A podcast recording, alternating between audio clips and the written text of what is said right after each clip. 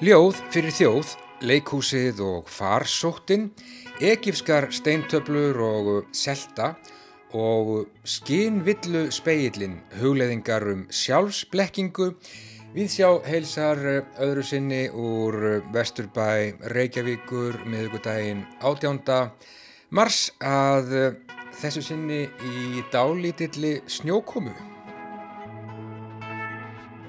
Hlustendur fá að heyra verkefninu Ljóð fyrir þjóð sem þjóðlíkursið er að fara af stað með þessa dagana.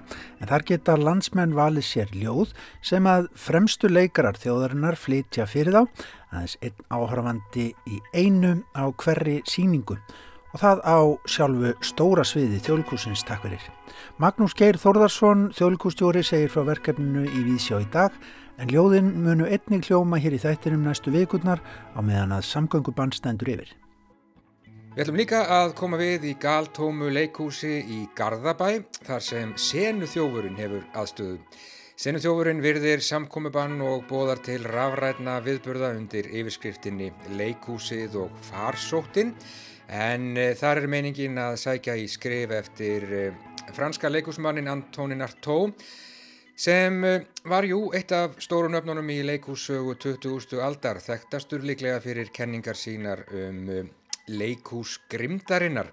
Senuþjóðurinn mun byrta á netinu brot úr rítgerð Artós um leikúsið og farsóttina.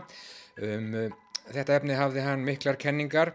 Uh, þetta verður á mánudögum svo lengi sem að uh, samkomiðbann er í gildi þannig að uh, vonandi verða þeir ekki of margir þessir viðburðir. Trösti Ólafsson, leikúsfræðingur, hann er senuþjóður og segir frá viðburðunum og hugmyndum Artós um leikúsið og farsóttina í Víðsjá í dag. Við rínum líka í egifskar steintöflur og aðrar fornar heimildir um veirusmitt sem að fortíðin hefur skilið eftir sig að gefnu tilefni auðvitað. Já og Björn Þór Viljámsson, bókmyndarínir Víðsjár, hann ætlar að fjalla í dag um skinvillu speilin, hugleðingar um sjálfsblekkingu, trick mirror, reflections on self-delusion. Þetta er greinasafni eftir Gio Tolentino, nýmiðla og skjámenningarín í bandaríska vikublaðsins New Yorker. Þetta er bók sem að, já, vakti mikla aðtikli á síðasta ári, heyrum meira um hana í Víðsjá í dag. Og bókvíkunar á rás eitt að þessu sinni er selta eftir Sölva Björn Sigursson, söguleg skáltsaga, en fyrir hana fekk Sölvi íslensku bókmentavelunin árið 2019. Bókin hefst á því árið 1839 að þá finnur landlæknir ungan dreng sem hefur rakið á land við Hjörleifsháða og þar með bankar fortíðin upp á. Við tekur viðbúraríkt ferðalag bæði aftur í tíman til Evrópu í kringum aldamótin 1800 og um þvert og endilangt Ísland. Hlustendur heyra í sjálfa í þættinum í dag. En fyrst ágætu hlustendur þá gefum við eiginlega boltan yfir til ykkar, ringjum niður í þjóðlukús og forveitnumst um verkefni sem er að fara af stað alveg þessa dana. Það heitir Ljóð fyrir þjóð Á línu hjá mér er hann Magnús Geir Þorðarsson, okkar ágæti fyrrum útastjóri og nýtekin við sem þjóðlikustjóri. Magnús Geir, hvað er ljóð fyrir þjóð? Jú, ljóð fyrir þjóð er eitt af fjölmörgu verkefnum sem við í þjóðlikusin erum að hleypa af stað núna í þessu samkomi banni sem fendur og við ætlum að reyna að leta þjóðinni lundina og þessum skrifnu tímum og gera það í þessu verkefni með því að bjóða landsmönnum að velja uppválsljóði sitt sem hvern og einn langar til að fá flutt af leikara þjóðleikúsins á sviðinu. Og þeir geta gert það í gegnum vef rúf og vef þjóðleikúsins og svo verður ákveðin hópur, hefnir eh, þáttakartu verða valdir úr og, og þá að koma í þjóðleikúsið og hlýða á sitt ljóð uh, þá er það eitt gestur, eitt leikari, eitt ljóð. Situr maður einn í stóra salum bara? Já, bara þá, þá situr einn áhörðandi í salnum sem að e, það sem eru 550 sæti sem að alla jafn eru þett skipu en þannig bara einn áhörðandi sem mætir einum leikara. Þetta hljómar ansi vel? Já, þetta er fallega hugmynd og, og þannig er við þetta bara að vinna með e, nándina ein, einna móti einum og, og, og gera það sem við getum á skrítnum tímum. Það er náttúrulega líka á, á þessum skrítnum tímum gott að leita já, náðar í, í ljóðið, ekki satt? Sannarlega og leikúsin eru þetta fyrirbæri sem að gengur svolítið út á samkjönd, samlíðan en reynda líka samveru og þess vegna kemur þetta samkomiðbann svolítið illa við leikúsi almennt en þarna erum við að reyna að mæta því með nýri nálgun. Ég heyra það líf á bakvið þig, börnin í kringu þig, nóg að gera. Uh, við byrjum bara að helsa nýri þjólikús og heyrum svo á morgun hvernig, hvernig ljóð fyrir þjóð verður hjá okkur. Takk að ég kenna það fyrir, ég hlakka til.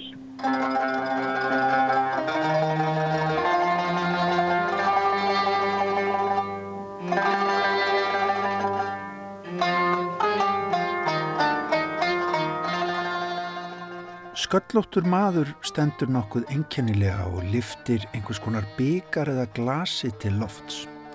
Kanski er hann að skála. Hann stiðst við staf, langan staf sem hann leggur upp við öll sína á meðan hann liftir glasinu. Já, það er daldið eins og hann sé að skála við einhvern sem við sjáum þá ekki en ég er ekki viss. Sá sem hann skálar við er þá utan við sjónsvið okkar því við erum að horfa á mynd.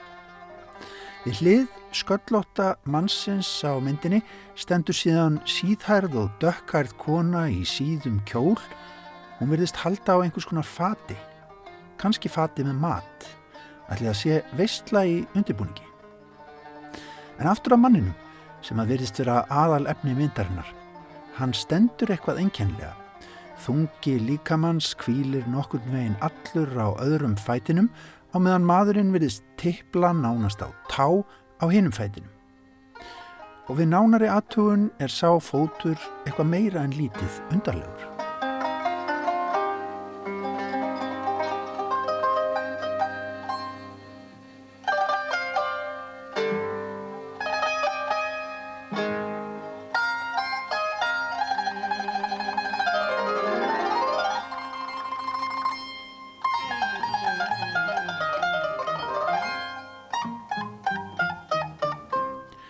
Ágættu hlustendur við erum að horfa saman á mynd, samt mynd sem þið auðvitað sjáuð ekki í útvarpinu ykkar. Mynd af sköllóttum manni með staf og byggar og skrítin fót og af konu með trók fullt matar. Þetta er ævaforn mynd, útskorinn steintabla frá átjánda konungsveldinu, já, takkið eftir því átjánda konungsveldinu í Egiptalandi sem samt stóð á árunum 1580 til 1350 fyrir Krist. Já, saga Egiptalands er sannlega mögnuð og laung og hún geymir upplýsingar sem að enn streyma fram til okkar eftir því sem þessi forna saga er rannsökuð betur. En myndin sem ég horfi á og reyna að lýsa fyrir ykkur hlustendur góðir af veikum mætti og þá engum hinn óvinnilegi fótur mannsins sem okkur byrtist þarna er nokkur neginn fyrsta skjálfestadæmið, fyrsta sönnunagagnið, Exhibit A eins og það er kallað í bandarískum réttarsölum sem mannkinnið á um veirusmynd. Fordlefa fræðingar hafa nefnilega fundið út að hinn sérstakki fótlegur mannsins sé dæmi um droppfót svo kallaðan sem getur ennkjent og verið afleiðing af mænusóttar veiru.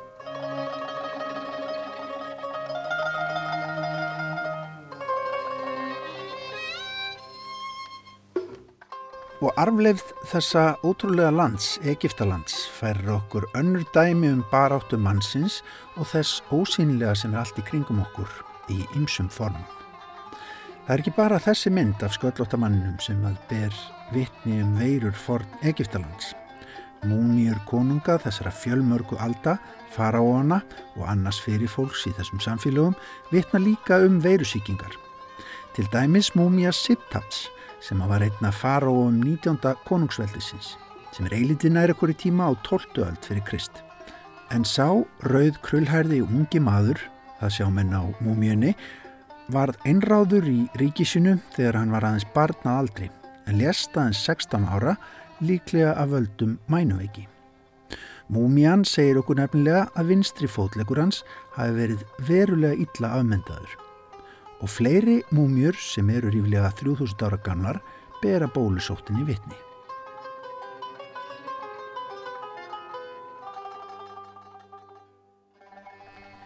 Já, góður hlustendur, forfeður okkar langt aftur í aldir og víða um lönd og í ymsum menningarsamfélögum hafa barist við ímiskonar veirusíkingar. Eða kannski ekki endilega barist, heldur einfallega bara fallið í valinn í mismiklu mæli. Stundum án þess að vita nákvæmlega hvaða óværa kom upp í það og það skiptið.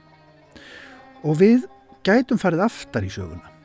Talið er að bólusóttin, sem er mesti mannfellir sem mannkinn hefur þurft að kljást við, hafi komið upp í Indlandi fyrst fyrir 11.000 árum eða svo. Það þarf nefnilega ákveðin samgang, ákveðina þjættingu byggðar, svo að við notum hugtak dagsins í dag, til að slík veirusmitt komi upp. Sapnarahópar sem að flökkuðu um án fastrar búsettu þurftu ekki endilega kljást við slikt. Áskoraninnar eru mismjöndi eftir því hvernig við búum, ekki satt. Svona cirka 9500 til 9000 árum fyrir Krist fara samfélagin bæði í mið-östulundum og við Nílarfljót að fara að verða nægilega þjætt fyrir slíkar óværur. Með landbúnaðarbyltingunni urðu lifnaðarhættir einsleitari og það hendar veirum vel.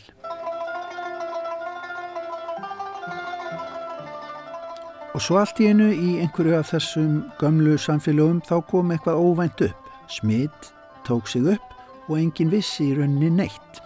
Í dag þekkjum við þó allavega að einhverju leiti hinn mikrobiológiska heim, kannski bara einhverju örlittlu leiti. Einhver stað rakst ég á tölu sem við getum reynda ímynda okkur saman af veikum mætti og það er talan 1 og svo bætum við 32 nullum aftan við.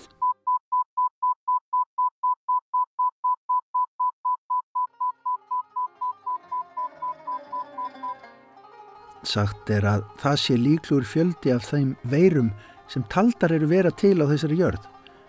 Koma kannski ekki allar okkur mönnunum við en það er annar mál. Talan er svo sem ágætt, bílað stór auðvita en ágætt, líklega ekki verri eða betri en önnur slík tala.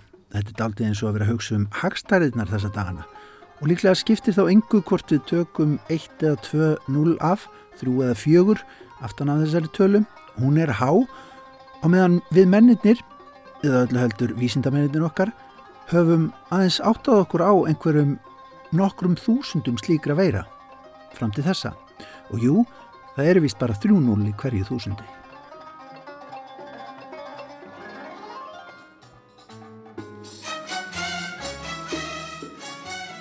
Öll menningarsamfélag eiga sér slíka sameinlega reynslu og við verðumstur á ganga í gegnum þessa dana og næstu misserinn.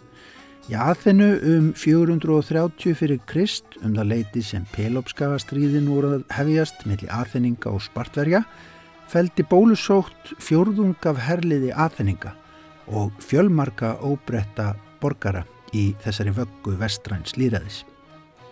Já, það er ekki löst við ágætu hlustendur maður hugsi til allra þeirra kynsluða sem stíð hafa á jörðina á undan okkur.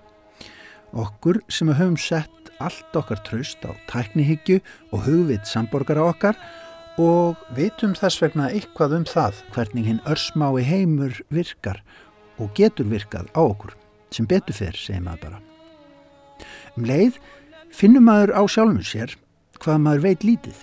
Maður verður líka var við aðra breytingu, bæði á sjálfum sér og öðrum, til dæmis gegnum samfélagsmiðla, að maður verður einhvern veginn forn í hugsun Það er eins og einhverjar undarlegar djúpar rásir í höfðin á manni kvikni á ný.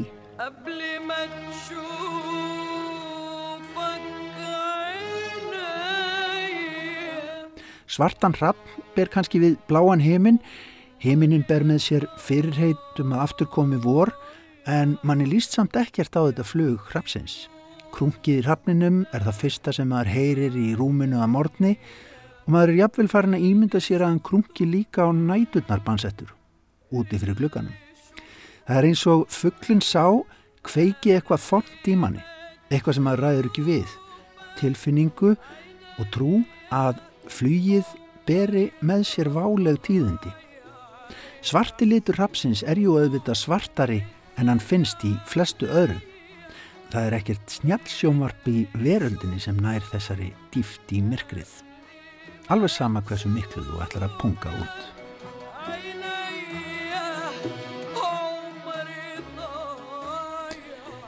Já, góði hlustendur, síðasta öld og hvað þá þessi nýja sem við lifum nú og er nú komin á fullorðins ár hafa verið uppteknar að því að aðgreina sig frá öðrum öldum.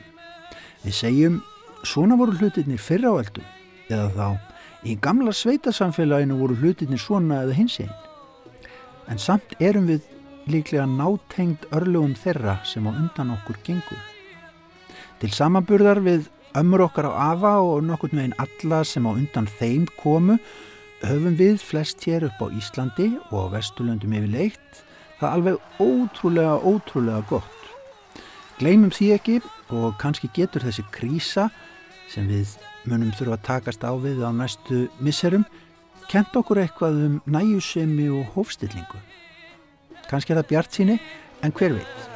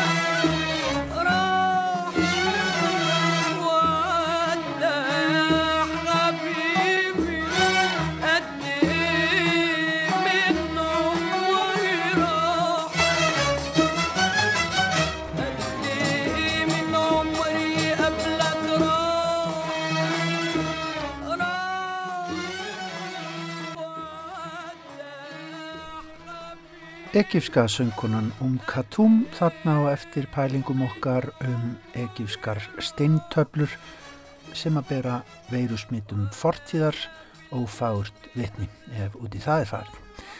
En Björn Tór Viljánsson, hann hefur verið að lesa forvitnilega bók, hann senda okkur þannig pistil. Síðastliði haust tók ég eftir nýju smáforriti á spjaltölvu svona míns sem er tí óra. TikTok hétta og í þessu forriti gaf að líta á annan tögmyndbanda sem hann hefði tekið upp og sett saman, flest með honum sjálfum í aðalhutverki. Þarna hafði hann gengið inn í samfélag eins vinsælasta netmiðils veraldar, hundruðir miljóna, nota TikTok, hundruðir miljóna barna og úlinga. Það var ein og aðeins ein ástæða fyrir því að ég vissi hvað TikTok var og tók af þeim sögum eftir því innan um leikina óteljandi sem leggjast á eittum að skapa það allra óreiðukendasta skjáfiðumot sem ég hef séð. Skinheil sem hefur það auka hlutverk að vera dullkóðun á áhuga málum eigandans.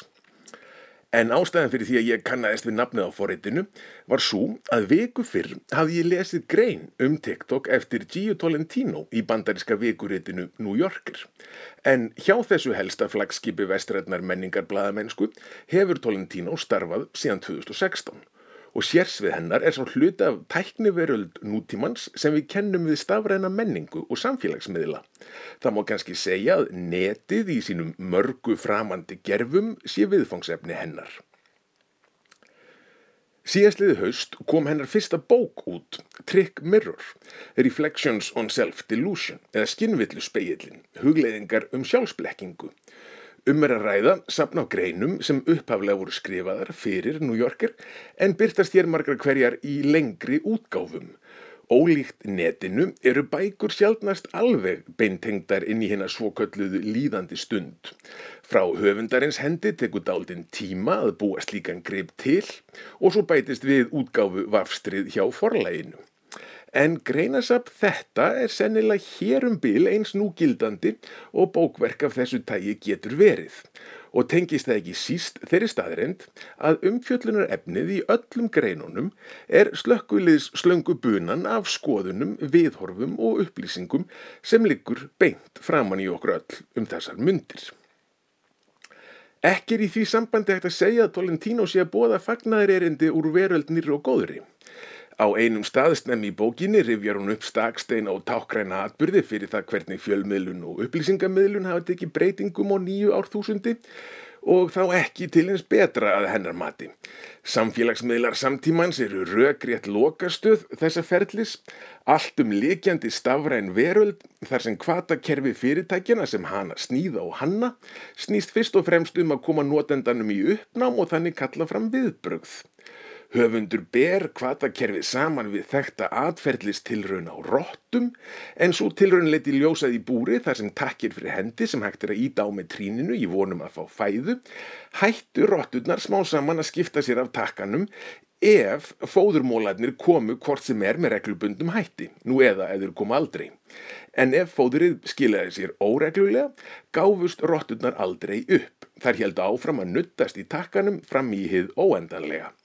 Það er með öðrum orðum, segir Tolentino, byggt inn í grundvallar rökvísi samfélagsmiðla að vera að mestu ófullnægjandi. Það heldur okkur vefnið, skrollandi niður skjáin í vonum eitthvað betra. Áður nefndir í staksteina umfjöllun líkur hún svo með þessum orðum. En þráttur í þetta hef ég undanfarið verið að velta fyrir mér hvernig í óskubónum allt varð svona innilega og persónulega, skjelvilegt og af hverju við höldum áfram að taka þátt í því. Hvernig stendur á því að stórkvæslur fjöldi fólks heldur áfram að verja lunganum af hverfandi frítíma sínum í bersýnilega kvalafullu umhverfi? Hvernig varð netið svona slæmt, svona innilokandi, svona óumflíjanlega personubundið, svona pólitíst ákvarðandi og hvers vegna snúast allar þessar spurningar um sama hlutin? Hér nefnir höfundur jáfnfram til sögunar fyrirtæki, raunar svo afskaplega ríkt og valda mikið fyrirtæki að við þurfum eiginlega að líta til velmektar ára Vatikansins og katholsku kirkjunar til að finna hliðstæða samþjöppun allræðis sinnasvalds en hvers upphaflega hugssjón og yfirlýstur útgangspunktur var frelsi og samtenging og í rafrænu, stafrænu upplýsingabildingunni miðri var þjónust að fyrirtæki sinns jáfnframt valdeflandi, veitti neytandanum sjálfum stjórn á upplýsingaflæðinu, gaf hann kost á að finstilla hvaða upplýsingar og hvers konar efni kom fyrir hans sjónir. En í staðin fyrir stjórn á einn andrými reyndist sköpunarverkið vera tilvistar vettvangur þar sem við, fyrst sem einstaklingar og svo sem samfélag, mistum stjórnina endanlega.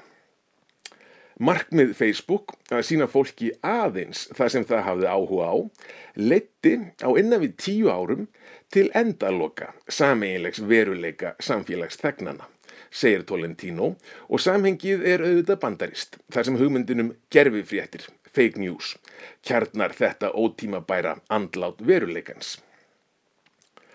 Við lestur greinana færist yfir mann svo tilfinning að netheimar snúist um lítið annað en að hyrða og snirta stafrænt framsetta sjálfsýmynd, verða smám saman svo hólaður að innan að maður fer að trúa því að skoðanir sem látnar er í ljós skipta einhverju máli, séu jafnvel jafngildar gjörðum og að það að trillast yfir að handahófskendu tvíti eða stöðu uppværslu sé samfélagstáttaka. En hefur heimurinn ekki alltaf verið að farast? Hefur ekki ný tækni ávalt verið kvíðavekjandi fyrir rótgrónar sálir? Jú, mikil óskum. Og Tolentino er fullkomlega meðvituð um það og svarar ykkur, þeim ykkar sem innmitt hafa verið að svara mér í huganum meðan þið hlustið og raukstiður hvers vegna lítið skjól felist í þessari staðrind. Ég vitna í bókina.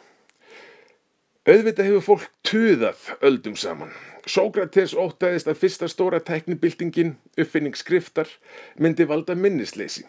Á 16. öld hafði vísindamæðurinn Konrad Gessner áhyggjur af því að tilkoma prentvélarinnar myndi valda of miklu og stöðugu upplýsinga áreiti í lífið fólks. Svo var því haldið fram á átjándu öld að tilkoma skálsögunar myndi valda samfélagsusla, engu meðal kvenna sem myndi í kjölfar lesturs slíks ósóma tapa hæfileikanum til að gera greinamun á skálskap og veruleika. Og hér verð ég að skjóti inn að þetta forbokaða viðhorf er auðvitað drivkrafturinn í Frú Bóvari eftir Flaubert. En það sem hefur breyst, segir Tolentino, er að umsvefarýmið er horfið, vegurinn kláraðist og það er engin næsti áfangi. Það er ekkert rektarland eftir fyrir kapitalismann, annað en sjálfið. Við erum búin að geta allt upp og núna er rauðin komin að personuleika okkar, samböndum og aðtikli. Saði Björn Þór Viljánsson um skinnvillu speilin, hugleðingar um sjálfsblekkingu, nýlagt greinasab eftir G.U. Tolentino, nýmiðla og skjámenningar ríni bandariska vikublaðsins New Yorker. En bókvikunar að þessu sinni hjá okkur á rás 1 er bókin Selta, söguleg skaldsagar Sölva Björns Sigurssonar sem hann gaf út fyrir síðustu jól og fekk í kjölfarið íslensku bókmentavelunin fyrir. Gestir auðar Alsteinsdóttur í þættinum bókvikunar á rás 1 á sunnundarsmorgun verða Egil Arnarsson, rittstjóri hjá háskólaútgáfinni og Hrefna Róbertsdóttir sakfræðingur Við skulum heyra hvað Sölvi hafði um bókina að segja hjá okkur í Víðsjá rétt eftir hún kom út fyrir jólinn. Það finnst barn á söndunum suður á landi. Já.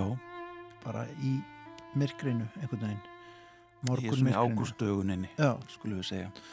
Akkurat, sko, við fylgjumst með landlækni sem að býr þarna við heldur harðan kost þannig séð já, já. Við, kannski ekki með að við halla í samfélaginu en, en hefur það svona, svona frekar þungt yfir þessa, þessari byrjun bókar Já, legur hjá hann þakki, hann er ekki ánægð með það já.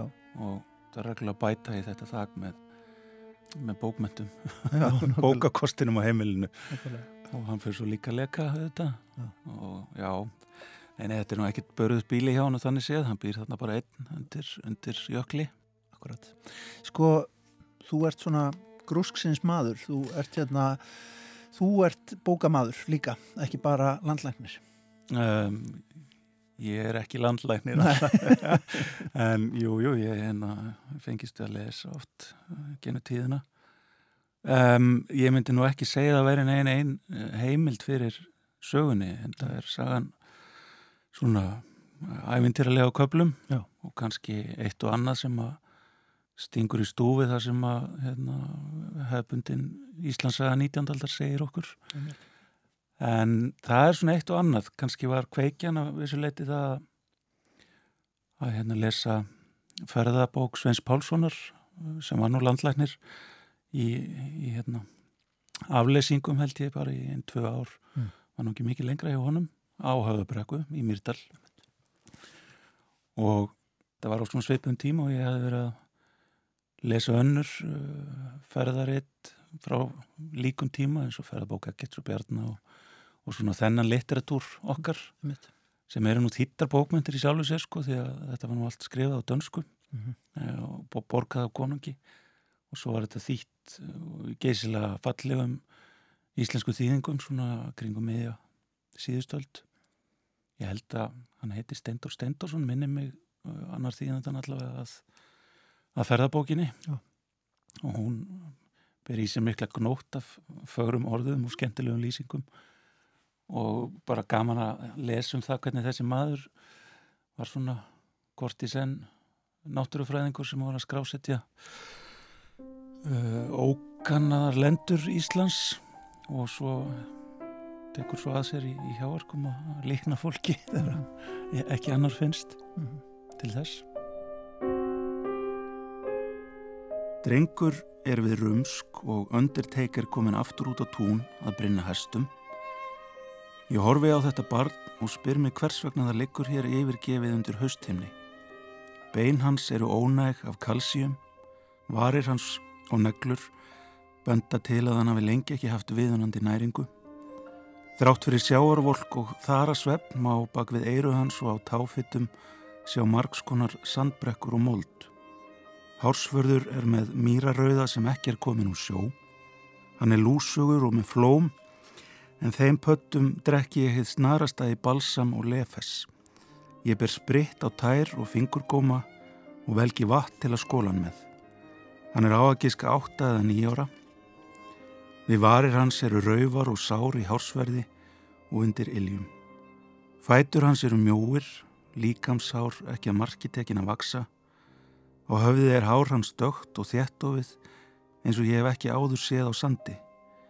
Enni hans og lóvar bera enni sér kuldaða velkingi, hann á vond með að vakna og snýr á grúfu þegar ég reyna að ljúka upp augnhimnum. Iljar hans eru ljósleitari en ristar, lóvar fölleitari en handarbögg, við ökla og undir iljum og fingurgómum ber mest á sárum en hnébjara líkamerki um ferðir og hælar um illan skópunað.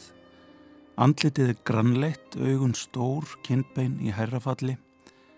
Í vinstri aukrók er sár af þurki, munnur mjúri en aðrir drættir, eiru venjuleg, hálsmjór og langur frá herðablaði að höfukúpu. Í eirum byr ekki á greftri og fámerki um síkingu í andrum. Á reamúr er líka með hann stapill sangvat mæli. Hönd segir þó að hiti sér beittur og geti vísað upp, verð ekki varlega farið með ferðir. Sangkvæmt tímarými ætti ég vel að vita að engin ferð er skinsamlega með barni á þessum árstíma. Í köldu landi þar sem stríðar ár renna ætti fjöldi fótspóra að miðast við rótina að brekkunni hér eða brett túnsins.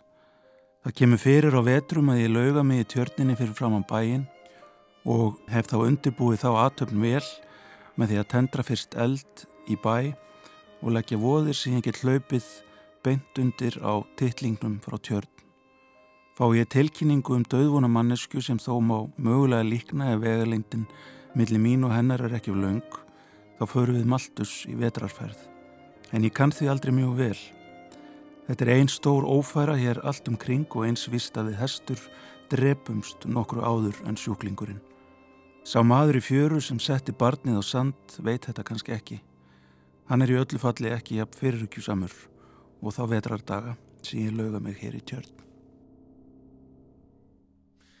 Þetta er saga sem að hefst, er það ekki 1839 eftir elda eins og, eins og það kemur fram eh, en maður fær á tilfinninguna upplýsingaöldin, hún sé bara komað aldrei senkt til Íslands einhvern veginn.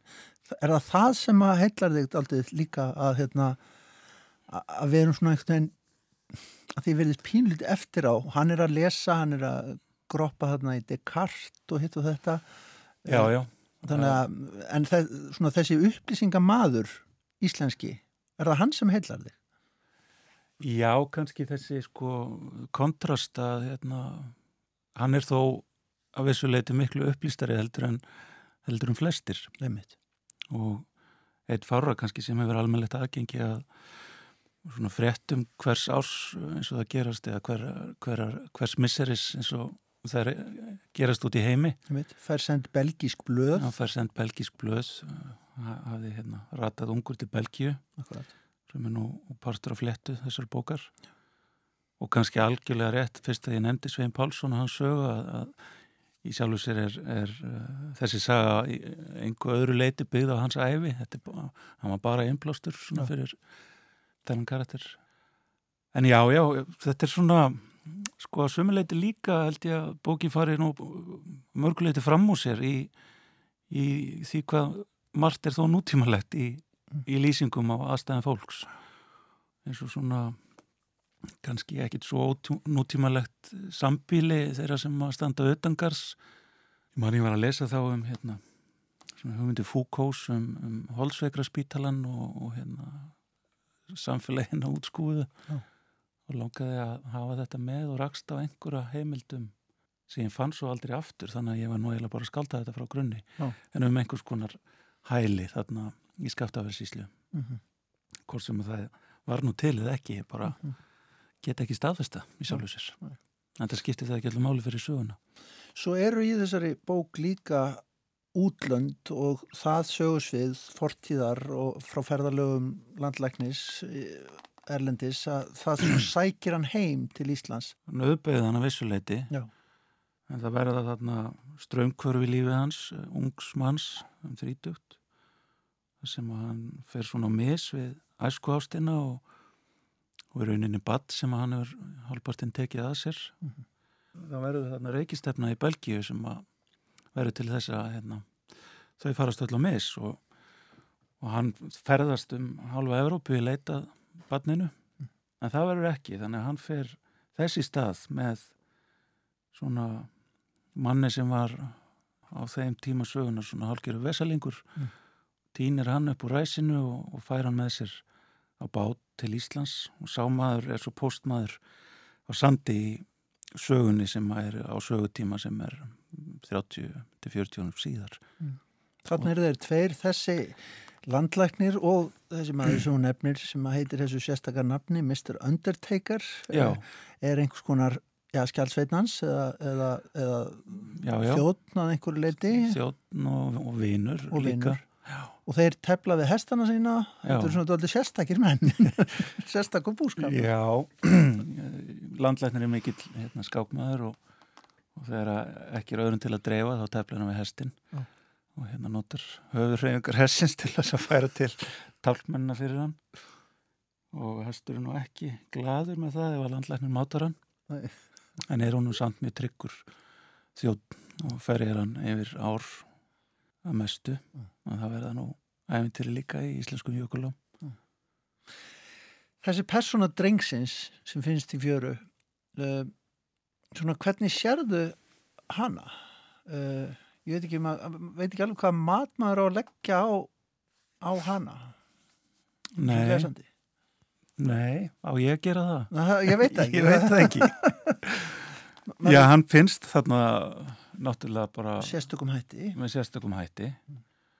og landlækni verði nú til dælas bara eða um leið ljóst að hann getur ekki tafa rekið á land því að þá væri hann bara látin þarna í fyrirborðinu. Í köldu hafi undir söður strand Íslands þá lefi nú engin lengi. Og alla 8-9 ára bann þannig að hérna hann og það, þetta kemur fram svo snemma í sögun að, að þeir vinir, mister og, og landlæknir þeir sjá þarna reyfingu aðeins vestar á sandi og kemur það og í ljós að þarna er einhver manneski á ferð sem er skilit reyngin þarna eftir. En svo manneskinn er að komast undan og ræðir bara út á haf með þarna með einhvern árabót. Og fyrir likur þá svo gáta hver þessi einstaklingur er og hvers vegna landlæknir færður þessi drengur með þessum hætti. Og þeir leggja upp í þessa miklu langferð þvert yfir Ísland. Fyrst austur á bó yfir, yfir all nokkrar jökular og koma svo við á, á hælinu sem ég nefndi á þann sem að kalla kirkjubærhæli og fólk getur svo sem hérna, teiknaði upp einhverju stafsningu í kringum það örnefni uh, og dvelja þar í svolítinn tíma svona til að sapna kröftum. En út frá þeim vísbendingum sem að þá hafa sapnast þá halda þeir uh, heldur landlæknirinn einn með drengin og tvo hesta sér til reyðar þvert yfir hálendið bara þeirra komið haust. Og það er nú svona talsverð háska för Norður í Skagafjörð. Norður í Skagafjörð og ekki auðkomið þangað. Það hefst einhvað síður og þar leysist úr þessum þráðum öllum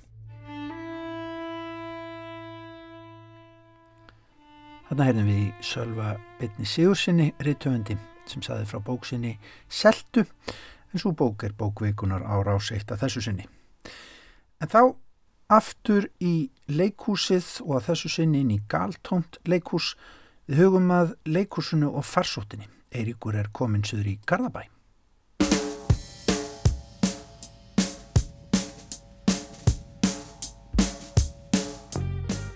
Og þú ert með, ég vonandi, 99 stóla. 99? Ekki fleiri en 100. Þú veist það. Já, mér það, það er það verður engar... Það verður engar síningar hvort þið er? Nei. Það hefðu alveg fleiri. Já. Já, til okkur hér bara. Já, við náttúrulega meðum ekki verið svona nálat hver öðrum, en... Ég, ég verð hér og þú ert annað, eða öðrum. Já, en þú bara situr og ég stend. Ok.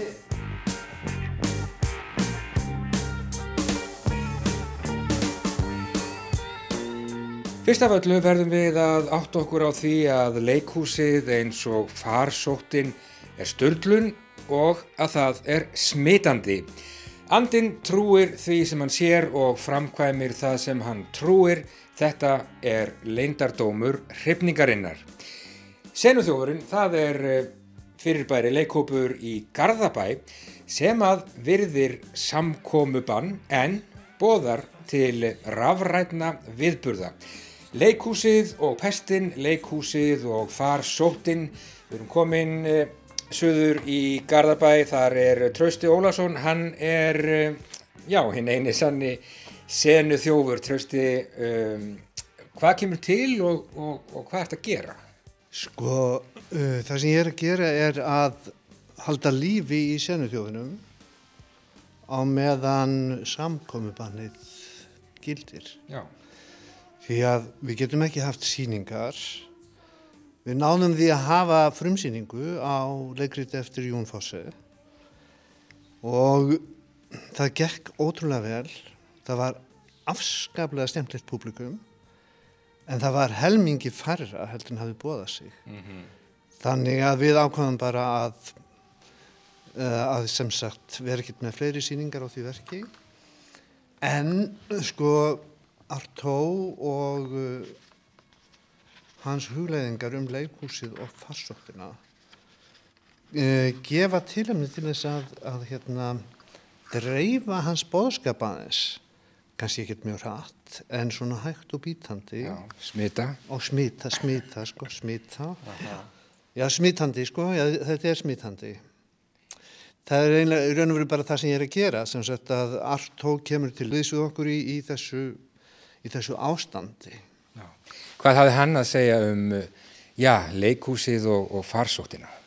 Hann hafi mjög margt að segja um leikhúsu og farsóttina og uh, hann notar farsóttina eins og svo oft í sínum skrifum þá verður farsóttin eins konar svona, já hvað ég maður að segja, hann, svona samlíking við leikhúsið. Leikhúsið og farsóttin eiga afskaplega margt sameinlegt að hans stómi og uh, hann skrifaði rítgerð sem heitir Leikhúsið og farsóttin, Luti all utla pest ykkur tíma snemma á fjórða áratug síðustu aldar og þetta er svona eina af hans þekktari rítgerðum. Já. Hvað, hann vildi meina að, já, leikhúsið það væri bara eins og farsóttin, það væri styrlun og uh, ekki nóg með það, heldur væri það smitandi. Já, það er mjög smitandi og það eins og farsóttin þá, þá gerir það annað af uh, tveggju. Það er að segja annarkvort drepur það eða það hreinsar eins og farsóttin. Engin millivögur. Engin millvegur þar á. Sko. Það, er, það er þetta tvent sem það gerir. My life's the disease that could always change with comparative ease. Just given the chance. Eh, segð mér nú aðeins frá þessum manni, Antonin Artó, þetta er eitt af stóru nöfnunum auðvitað í, í leikhússögu 20. aldar, líkilmaður í, já, evróskri framúrstefnu, kannski þekktastur fyrir þetta fyrirbæri sem að kallaðist og kallast leikhús grimdarinnar og byggir á bókeldi frá 1938, eitthvað slíkt, merkur maður. Já, þetta er afskaplega merkur maður og einstakur maður á marga hátt. Sko leikhús Grimdarinnar hann ákvaða að gefa hérna sín, sínu leikhúsi þessa, þetta nafn. Vegna þess að það væri svo mikil hætt á því að hinn tvö heitin sem hann hugðist gefa því leikhús alkemíunar og leikhús metafísikurinnar þau myndu mistínast og verða bara eins og hver hann er brandari. En sko Grimd Artó er held ég eitthvað al sko miskildasta hugtak bara síðustu áratuga og síðustu aldar. Því að í Grimd Artó er ekki fólkið niðurrif eða niðurbrot í þeim stilningi að það leiði til dauða hendur er þetta Grimd sem leiði til lífs. Já. og hann er að vísa til uh, sko grimdin hjá honum er, er það, sá eiginleiki eða svo eind sem er nöðsynleg til þess að sköpun eigi sér stað. Já. Engin sköpun verður án snefils af grimd. Það er forsendan. Fors, grimdin er forsenda fyrir, fyrir sköpuninni. Þú talar um miskilling, einhverjir myndi halda við þyrftum á mýkt að halda en ekki grimd en þetta er eins og þú nefnir, þetta er annars konar grimd. Já, þetta, er, þetta er grimd, sko blóðið í, í grimd artó er ekki blóðið sem flæðir þegar einhverju stungin í hjartað. Nei. Hendur er það blóðið sem streymir um æðarnar og, og færir næringu. Þannig að það er, já, það er eiginlega það sem blóð artó gerir. Nákvæmlega. Og þetta er maður sem hafði, já, sannlega mikil áhrif bara, já, absúrt leikhúsi til dæmis, leikhús fárunleikans, eh, menn á borðið Sjansinei og Samuel Beckett og fleiri heimsbyggingar hafa hann ykkar til hans í setni tíð til Lus og Gattari til dæmis, eh, frægir menn sem hafa hugsað margt mjög mikið og merkilegt Artó er víða. Artó er mjög víða, hann er til dæmis hér, hann er, hann er verndari senutjósins. Hann er það. Hann er verndari senutjósins og hérna þess vegna full ástöð til þess að halda nafni hans á lofti núna meðan að pestin gengur yfir. Já. Og það munum við gera sem sagt með því að byrta vikulega alltaf á mánudögum á meðan pestin gengur yfir. Það mun, munum við byrta tilvittnanir úr þessari ríkjörð Já. um leikúsið og pestina. Já. Hún er ekki allstaðar þægileg þessi ríkjörð, hún er stundum dálítið grótesk eins og farsóttin og leikúsi getur líka verið. Sko. Og þú vilt eh, sannlega meina, Trausti, að, að eh, Antonin Artó hann eigi erindi við okkur hér og nú með sinn, með sinn bóðskap um, pestina og, og leikhúsið. Já, vissulega, sko, eitt af því sem hann segir, Artur segir, er, er að sko heimurinn sé að tætast í sundur. Og það verði, sé orðin svo mikil stíla millir hugsunar og tjáningar að eh, þau ná ekki saman Nei. og eini staðurinn þar sem að það getur hugsanlega orðið á ný, það er í leikhúsinu. Það er stefnumótið. Það er stefnumótið, sko. En Arto var mjög lengi, hann, hann sem sagt deyr árið 1948 og það líða sko fjöldamörg ár, áratugir þangað til að hann í raun og veru kemst aftur almennilega á blað Já. Í, í menningarsögu og menningu Vesturlanda. Já, og hann er algjörlega á blaði núna. Já, hvort hann er, sko, hvort hann er. En Trausti, þú grýpur til uh, þessara ráðstafana núna í samkomu banni, sko að vera leikúsmaður í, í samkomu banni, það er, já það hlýtur að vera jafnvel bara enn verð en að vera, hvað við segja, sjómaður í, í brælu. Jú, en það er svolítið grimt og gefur sko tilefni til sköpunar. Þannig að þetta er svona, þetta er svona okkar tilraun til þess að vera skapandi. Það er að benda fólki á skrif artó, kynna þau aðeins fyrir fólki í mjög stuttumáli samt og líka að, að hérna, halda áfram þessari göngu með honum sem verndara senutjófsins. Hans, eh, hans eh, ferill í leikúsi, hann var bísna svona erfiður og senutjófurinn á sjálfsagt eftir að upplifa það líka, að, að ganga svona þrönga og erfiða stígu. Þetta er alltaf erfitt en eh, já, hvað á ég að gera á mánundaginn, Trausti, ég fyrir bara inn á netið, er það ekki? Jú, jú, þú bara eh, leitar að senutjófinum á Facebook, Já. þar sem að þessi viðburður mun hefjast klukkan 00.00. Og þetta verður á mánudaginn og Guðeitn veit hversu, hversu marga mánudag, vonandi bara fáa. Vonandi fáa mánudaga þannig að við getum svona haldið artó gjörningum okkar áfram hér í rýminu. Ljómandi gott, Trausti Ólafsson, leikúsfræðingur, ég segi bara gangi er vel, um, leikhúsið og pestin fyrst af öllu verðum við að átt okkur á því að leikhúsið eins og pestin eða farsóttin er störlun og að það er smitandi. Þetta verður hér í Garðabænum næstu mánudagana rafrænt í Guðanabænum ekki koma, fylgist bara með á netinu. Takk fyrir spjallið og gangið vel. Takk sem leiðis fyrir komuna.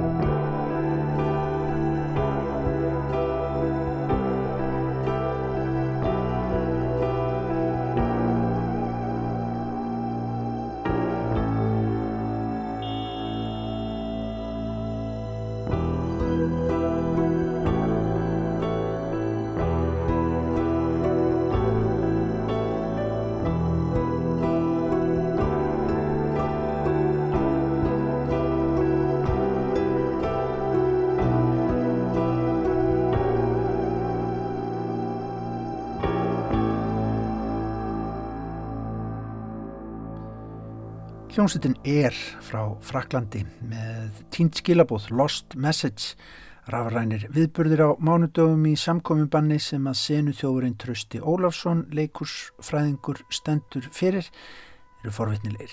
Eins og við rættum í Vísjá í gær þá veit enginn hvernig menningarlífið mun þróast, allir að færast ekki að miklu leiti inn á netið. Svona ætlum við að ljúka við sjá í dag. Ágættu hlustendur við hverjum hérðan af hjarðarhaganum. Ég og Eiríku Guðmundsson sem er í, já, þar, þar, þar þar næstu blokk held ég. Takk fyrir að vera með okkur í dag, verið sæl